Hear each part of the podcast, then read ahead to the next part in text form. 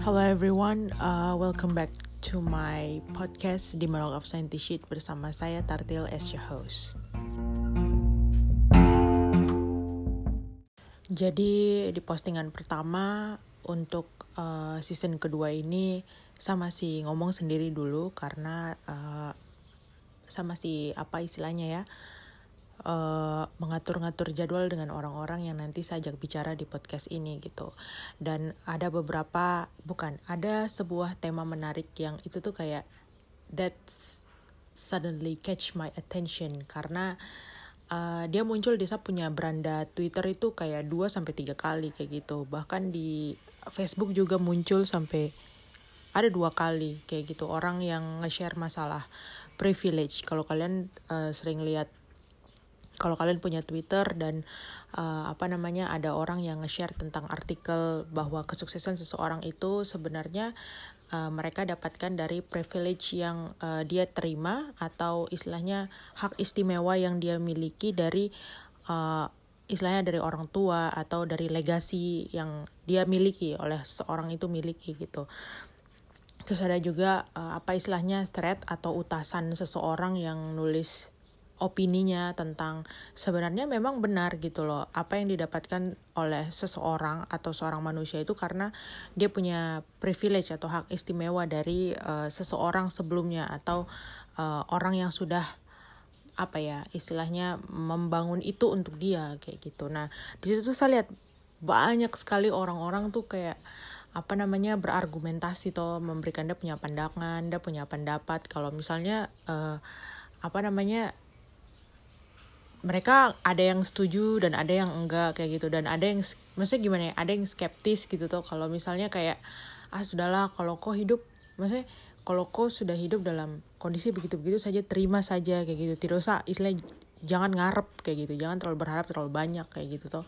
Ada juga yang mikir kayak ya tetap kontradiktif gitu loh. Maksudnya tetap uh, di di apa namanya dengan cara pandang yang berbeda kalau ah tidak bisa kerja keras dan menjadi seorang yang pintar itu adalah salah satu uh, apa namanya upaya untuk menjadikan diri sebagai orang at atau mengubah nasib seperti itu gitu. Sebenarnya tidak ada yang salah gitu loh. Tapi kalau mengacu dari uh, apa namanya tulisan yang diposting oleh seseorang gitu tuh itu bukan seseorang seorang biasa gitu. Tapi peneliti kayak gitu di situ ada banyak hal yang sebenarnya apa ya, um, yang sebenarnya kalau dibaca dan direnungi itu benar adanya kayak gitu. Awalnya saya juga berpikir kayak ah masa sih uh, sebenarnya apa yang didapatkan oleh manusia itu hanya privilege semata kayak gitu toh.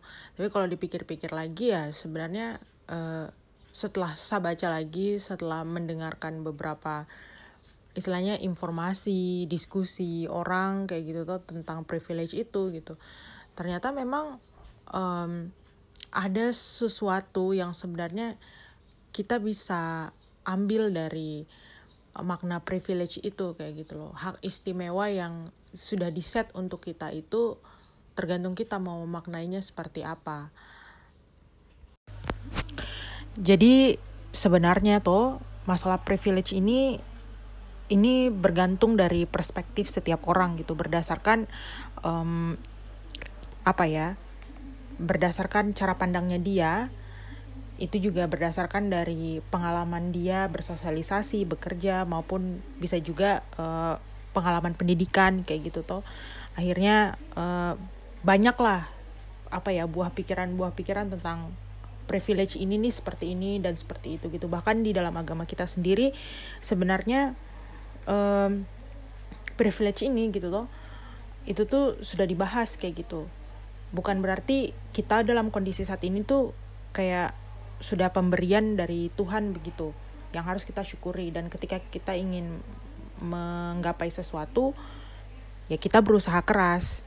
Dan itu tuh bukan hanya kayaknya bukan hanya ajaran di agama tertentu tapi semua agama. Bahkan orang ateis pun juga gimana ya, berpikiran hal yang sama gitu. Kalau ketika kita ingin sesuatu maka kita harus berusaha untuk mencapai sesuatu itu kurang lebih seperti itu kali ya e, apa namanya pandangan tentang privilege ini gitu. Nah, inti dari tulisan ini sendiri gitu toh setelah saya baca gitu karena ini sebuah artikel ilmiah begitu uh, intinya gitu. Saya mohon maaf sekali kepada teman-teman yang mendengar ini di awal-awal kalian harus mendengar ini sampai habis atau membaca artikelnya gitu karena mungkin di awal-awal ini akan mendengarkan sedikit emosi gitu ya. Intinya adalah yang pertama toh itu tuh mau sekeras apa pun kalian bekerja keras gitu, berusaha mau kayak jadi orang pintar sekalipun begitu toh itu tuh tidak akan bisa membuat kalian menjadi orang yang sukses dan bisa kaya tanpa you know privilege yang orang-orang sebelum kalian tuh bangun untuk kalian kayak gitu intinya kayak kesuksesan itu tuh hanya untuk orang-orang yang punya ekonomi yang sangat baik atau posisi yang sangat baik di strata sosial kayak gitu. Saya juga pertama baca itu kayak what? Begitu toh alis nih langsung. Uh tapi oke okay, saya sabar. Saya baca sampai bawah baru saya oh saya dapat. Akhirnya poinnya seperti apa gitu. Jadi misalnya kalau kalian mengukur kesuksesan itu dari apa namanya dari segi material gitu toh dari berapa banyak penghasilan yang kalian dapatkan atau jumlah uang yang kalian inginkan kayak gitu. Kalau misalnya uh, batas kesuksesan kalian sampai seperti itu maka mungkin ini relatable kayak gitu loh. Apakah orang tua kita atau orang tua orang tuanya kita sudah membangun uh, sebuah privilege gitu toh? Begitu. Kalau saya sih saya sepribadi uh, saya tidak tahu apakah ini privilege atau tidak tapi yang jelas saat ini saya merasa bersyukur dengan saya punya hidup saat ini. Walaupun banyak kekurangan-kekurangan yang saya miliki namanya juga manusia tidak ada puasnya begitu toh. Tapi saya flashback lagi gitu. Ternyata banyak hal yang saya itu tidak syukuri di luar dari kekurangan-kekurangan yang saya punya gitu. Saya malah fokus dengan sesuatu yang saya tidak punya padahal apa yang saya punya itu banyak sekali orang inginkan gitu. Dan mungkin saja apa yang saya dapatkan itu dan tidak pernah saya syukuri itu itu banyak sekali campur tangan uh, apa ya istilahnya walaupun bukan privilege dari orang tua tapi campur tangan Tuhan di situ kayak begitu. Nah, yang kedua adalah di artikel ini begitu toh dia tuh menuliskan bahwa uh, sebegitu gampangnya orang-orang yang punya hak khusus gitu ya hak khusus untuk menggapai kesuksesan di usia dini itu bisa men-trigger uh, orang-orang lain yang tidak punya hak khusus atau tidak punya privilege atau tidak punya nasib yang sama dengan orang tersebut kayak gitu. Contohnya begitu ya. Contohnya kalau kita kan di Indonesia populernya apa namanya anak-anak yang lanjut S2 di usia muda lanjut S3 seperti itu yang saya lihat uh, saat ini tren-tren yang beberapa tahun yang lalu 2-3 tahun yang lalu seperti itu. Apalagi dengan kemunculan saya sebut nama artisnya saja saya kayak mau di Ayunda begitu toh uh, dia tuh bisa sampai kayak gila sih S1 di Oxford University S2 galau mau Harvard atau Stanford itu kan kayak macam aduh apa sih? Kita kayak mau banting botol juga terlalu bisa gitu sedangkan kita yang mikir untuk makan siang saja masih aduh ini terlalu mahal itu kayak bagaimana? Begitu nah itu itu ngebuat orang-orang lain tuh kayak termotivasi gitu loh untuk ah sama seperti dia gitu. Tapi di artikel ini uh, penulisnya tuh men-highlight meng-highlight kalau uh, itu tuh kayak motivasi semu yang sebenarnya orang-orang lain itu inginkan gitu. Karena bisa jadi bisa jadi untuk orang-orang yang tidak selevel dengan mau di ayun mau di ayunda itu toh itu bisa saja mereka tuh kayak menggapai sebuah impian yang yang tidak mungkin bisa dilakukan. Kayak begitu. Sedih kayak tidak dengarnya? Itu sedih sampai saya juga bingung baca itu toh awalnya. Tapi uh, tapi saya semakin apa namanya saya semakin gimana ya uh, oke okay lah dengan artikel ini tuh setelah saya melihat uh, membahas penjelasannya lagi gitu dari dari apa namanya dari utasan seseorang di Twitter dia bilang kayak begini karena kalau ditelisik kembali untuk seorang mau di Ayunda nggak masuk kampus-kampus Ivy League kayak gitu itu tuh nggak mungkin gitu. Lihat dia punya apa namanya riwayat hidup saja. Dia SD di mana SMP di mana SMA di mana begitu tuh bukan macam kita begini bukan macam saya begitu tuh SD di mana, SMP di mana, tidak tahu mau di Ayunda tahukah tidak ada SMP Muhammadiyah Jayapura begitu? Atau ada SMA Negeri 1 Jayapura misalnya seperti itu toh. Nah, e, seperti itu. Istilahnya hal-hal seperti ini kayak membangun motivasi semua untuk orang-orang yang apa namanya tidak sadar diri kalau dia tuh mungkin tidak mampu untuk itu. Oh my god, kata-kata ini sangat kasar dan sangat menyinggung. I am so sorry. Tapi itu yang uh, sebenarnya itu itu sudah yang dituliskan di artikel itu begitu loh.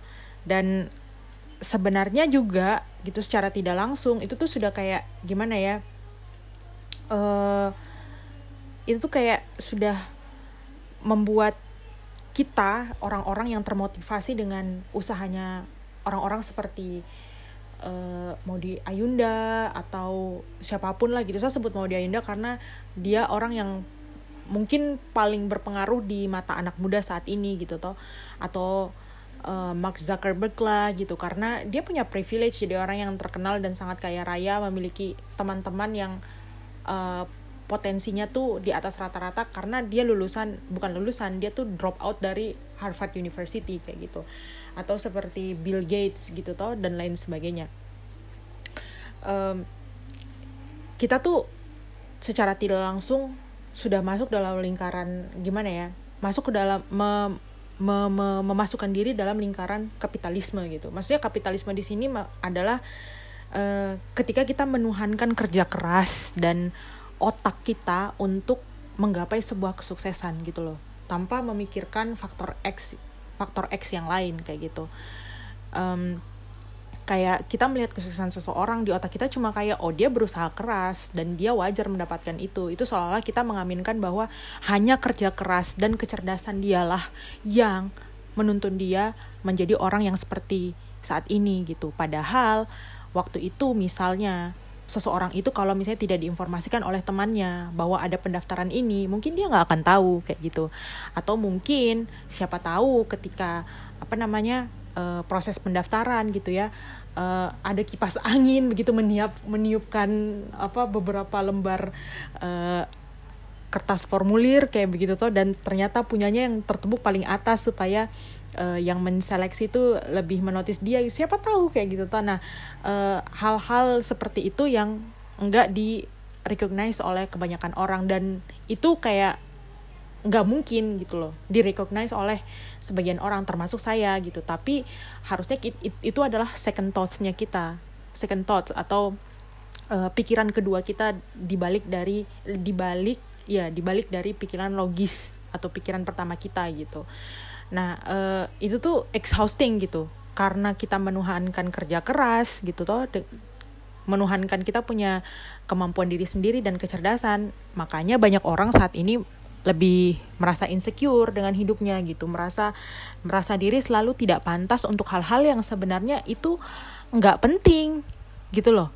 Kayak maksudnya bukan ranah dia untuk merasa insecure. Kita boleh, kita wajib merasa insecure menurut saya karena uh, contohnya kalau kalian bisa di salah satu bidang tertentu dan uh, apa namanya orang lain di bidang tersebut ada yang lebih baik seperti itu. Toh bukan berarti dia bakalan merebut kalian punya posisi tetapi kalian ingin tahu lebih banyak intinya seperti itu toh.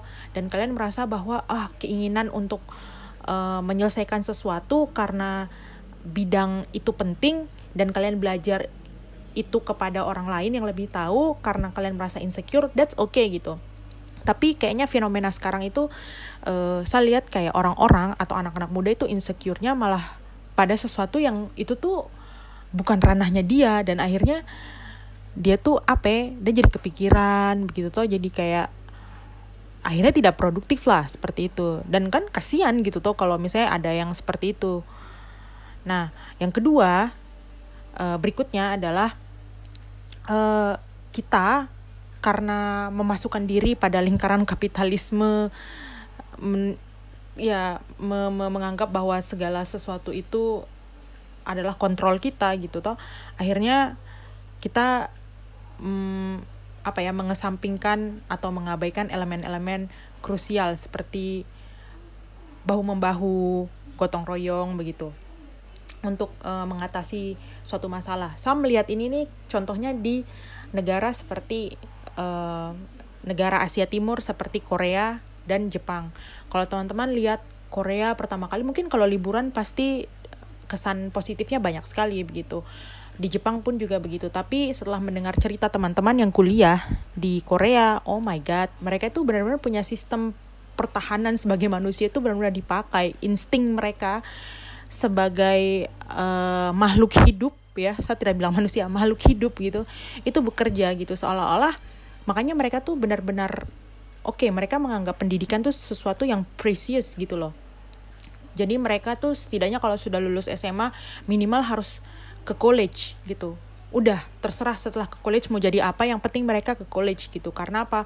Mereka pertama tidak mau diremehkan. Kedua mereka berlomba-lomba untuk mendapatkan pekerjaan. Jadi maksudnya gimana itu mendapatkan pekerjaan di sana tuh benar-benar kayak trading sehingga mereka tuh kayak pas waktu di bangku sekolah mereka nganggap temannya tuh musuh gitu. Kan beda dengan kita gitu loh. Kita tuh benar-benar kayak di Indonesia mungkin kita ada faktor-faktor seperti itu tapi pas waktu kita mungkin ketemu di luar dari kota kita atau di luar dari negara kita bertemu dengan orang Indonesia kita tuh memang karakteristiknya kayak guyup bantu mem bahu membahu gitu.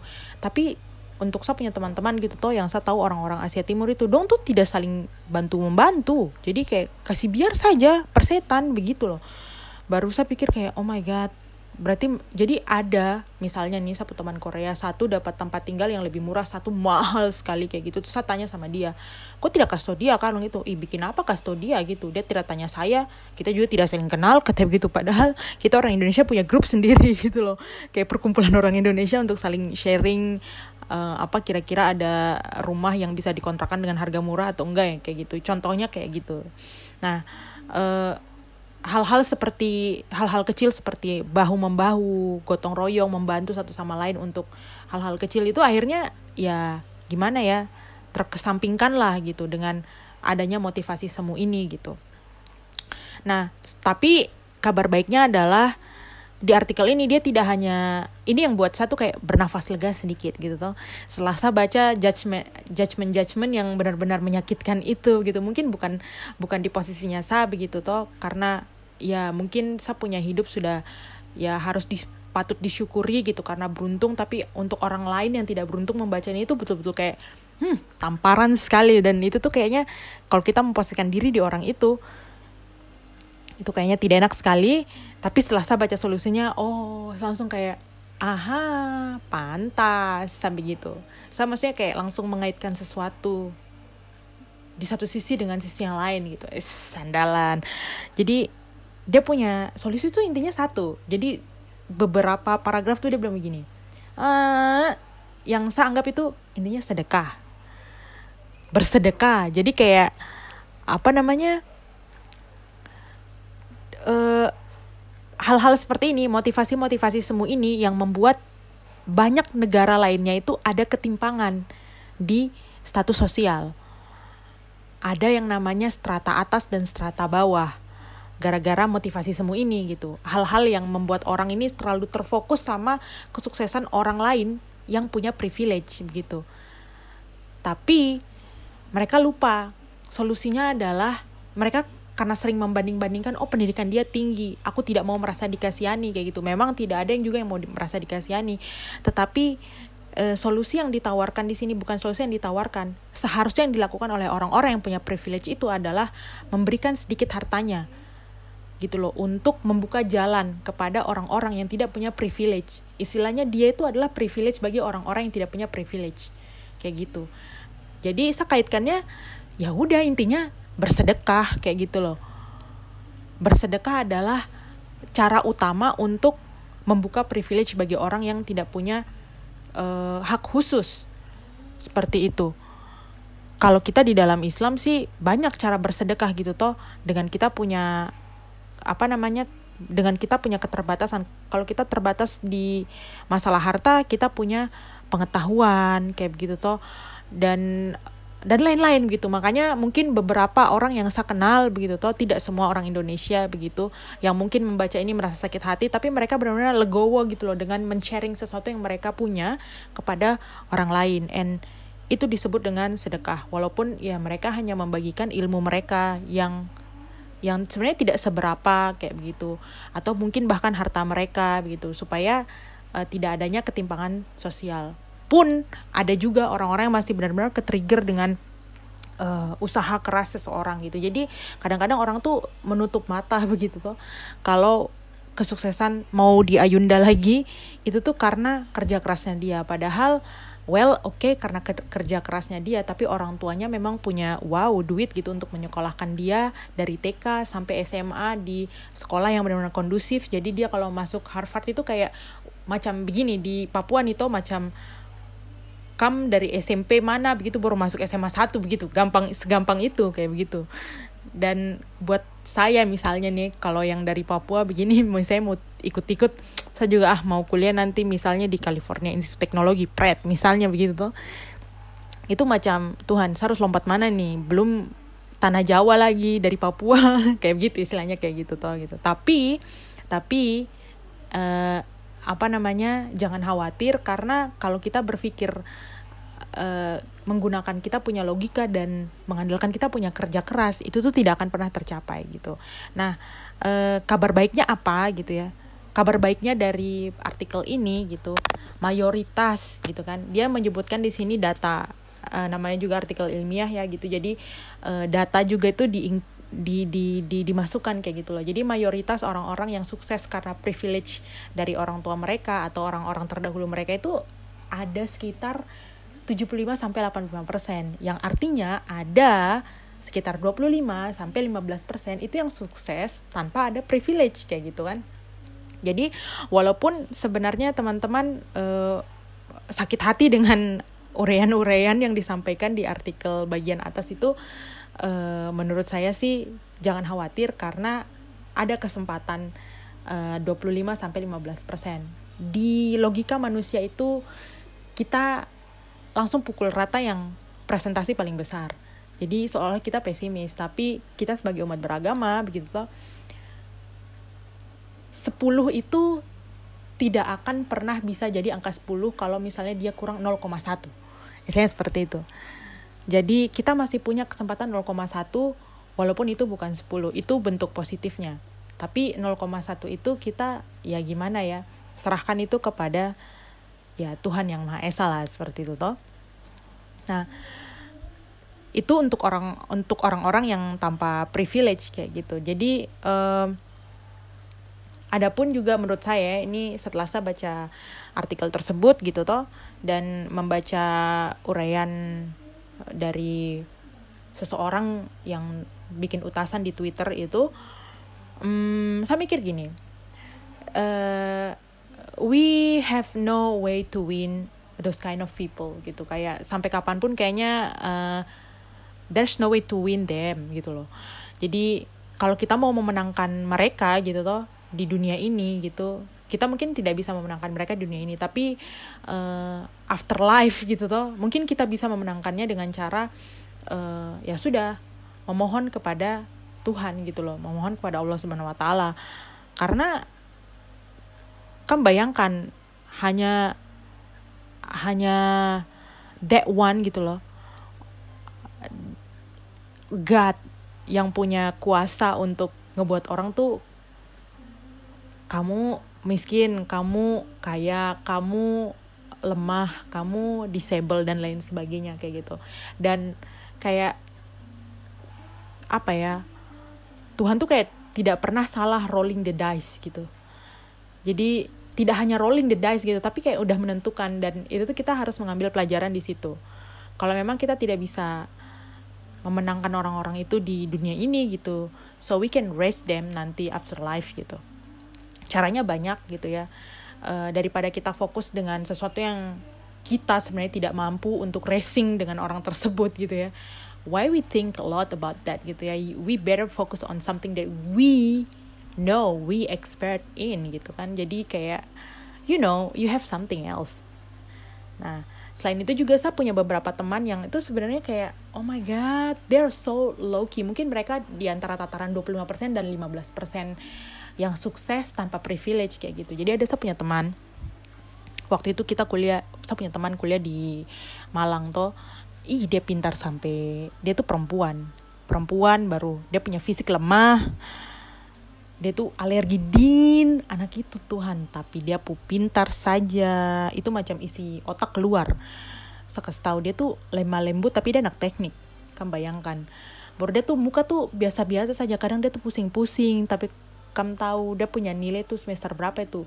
Dia dia khawatir gara-gara dia punya IP semester lalu tuh 4 terus sekarang cuma turun cuma 3,98 Tuhan itu dia punya teman satu angkatan mau toki dia pica itu. Gara-gara dia tuh mengeluh turun berapa uh, berapa istilahnya berapa koma ber, berapa 0, berapa begitu di IPK-nya kayak gitu. Dan dia tuh tidak pernah membanding-bandingkan diri dengan orang lain kayak gitu. Karena dia tahu dia punya potensi diri beliau sekarang tuh lagi uh, jalan S2 gitu toh di dalam negeri. Sebenarnya dia tuh mampu untuk kuliah di luar negeri karena tapi dia punya concern itu orang tuanya kayak begitu. Karena orang tuanya di Indonesia dan takut orang tuanya sendiri kayak gitu. Jadi dia di dalam negeri saja.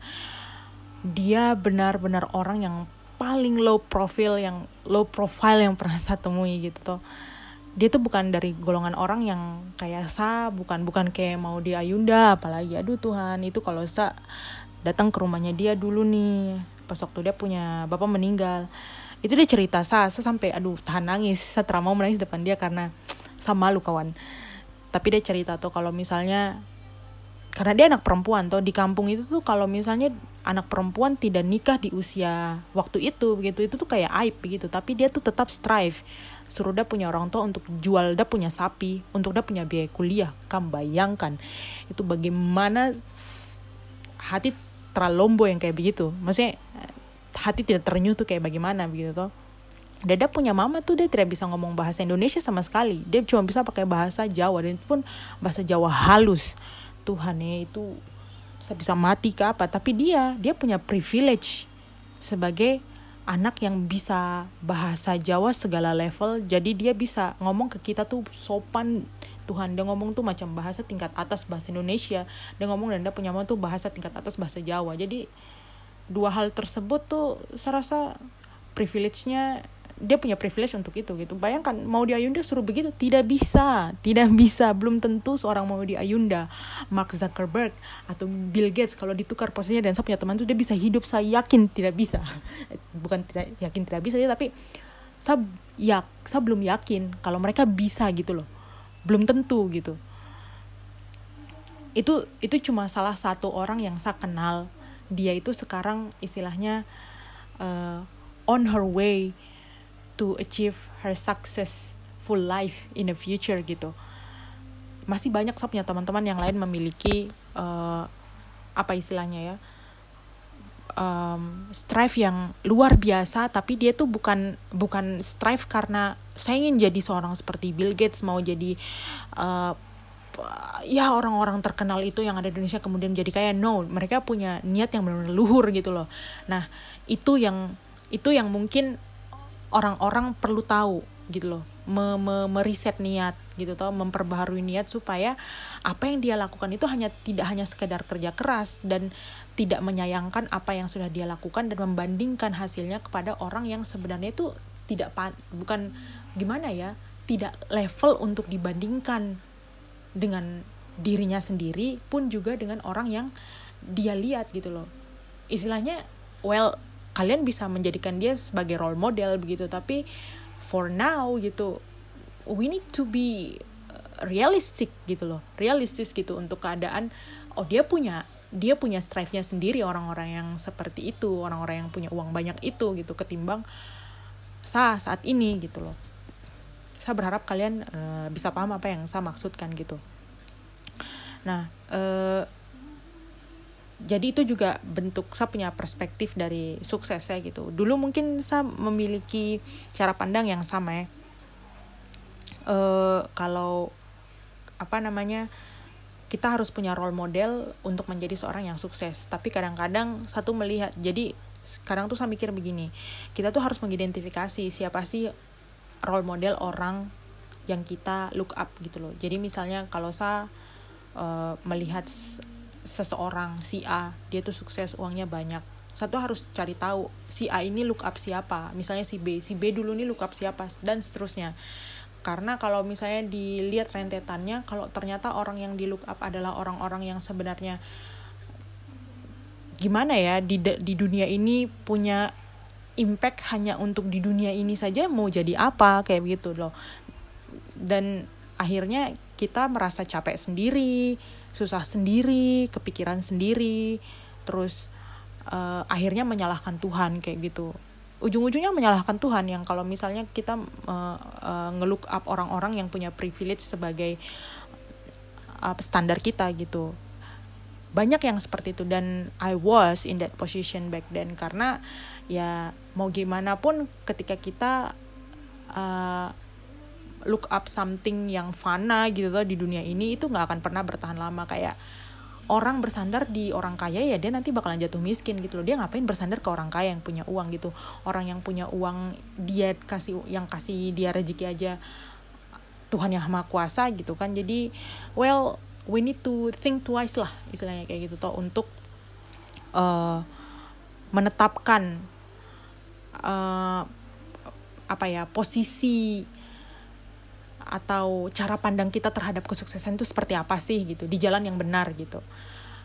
Tapi itu kembali lagi di uh, apa namanya di di diri masing-masing ya gitu. Karena banyak orang juga yang dia tuh tetap melangkah ke jalan kesuksesan tuh karena dia ingin revenge kayak gitu. And I think that's not a good for not really good for everyone gitu. Karena revenge itu akan ada masanya gitu loh. Dan khawatirnya malah menyebabkan kita sakit hati sendiri gitu. Karena uh, gimana ya saya melihat uh, apa sih istilahnya ups and downs. Saya punya motivasi juga tuh. Ternyata orang itu bakalan bakalan merasakan semua uh, titik dalam kehidupan gitu loh. Seperti kayak roller coaster ada ups and downs kayak gitu. Jadi ya kalian harus tahu kalian punya posisi kesuksesan yang sorry kalian harus memposisikan kalian punya kesuksesan itu di di, di titik mana pada orang tertentu gitu loh. Jangan sampai salah memposisikan aja gitu. Takutnya nanti malah sakit hati dan insecure mental health illness dan lain sebagainya. Itu aja sih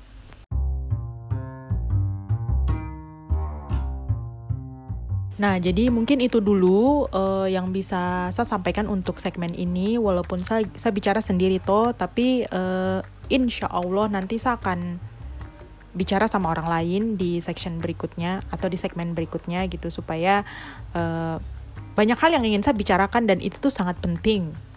Dan saya baru ingat-ingat lagi loh kalau misalnya toh saya punya podcast ini namanya The Mark of Sheet gitu. Jadi um, saya baru mereview lagi apakah saya sudah istilahnya menggali informasi di balik konten yang saya berikan kepada kalian? Apakah ada sisi keilmuannya? Kayak gitu. Jadi uh, let me think ya.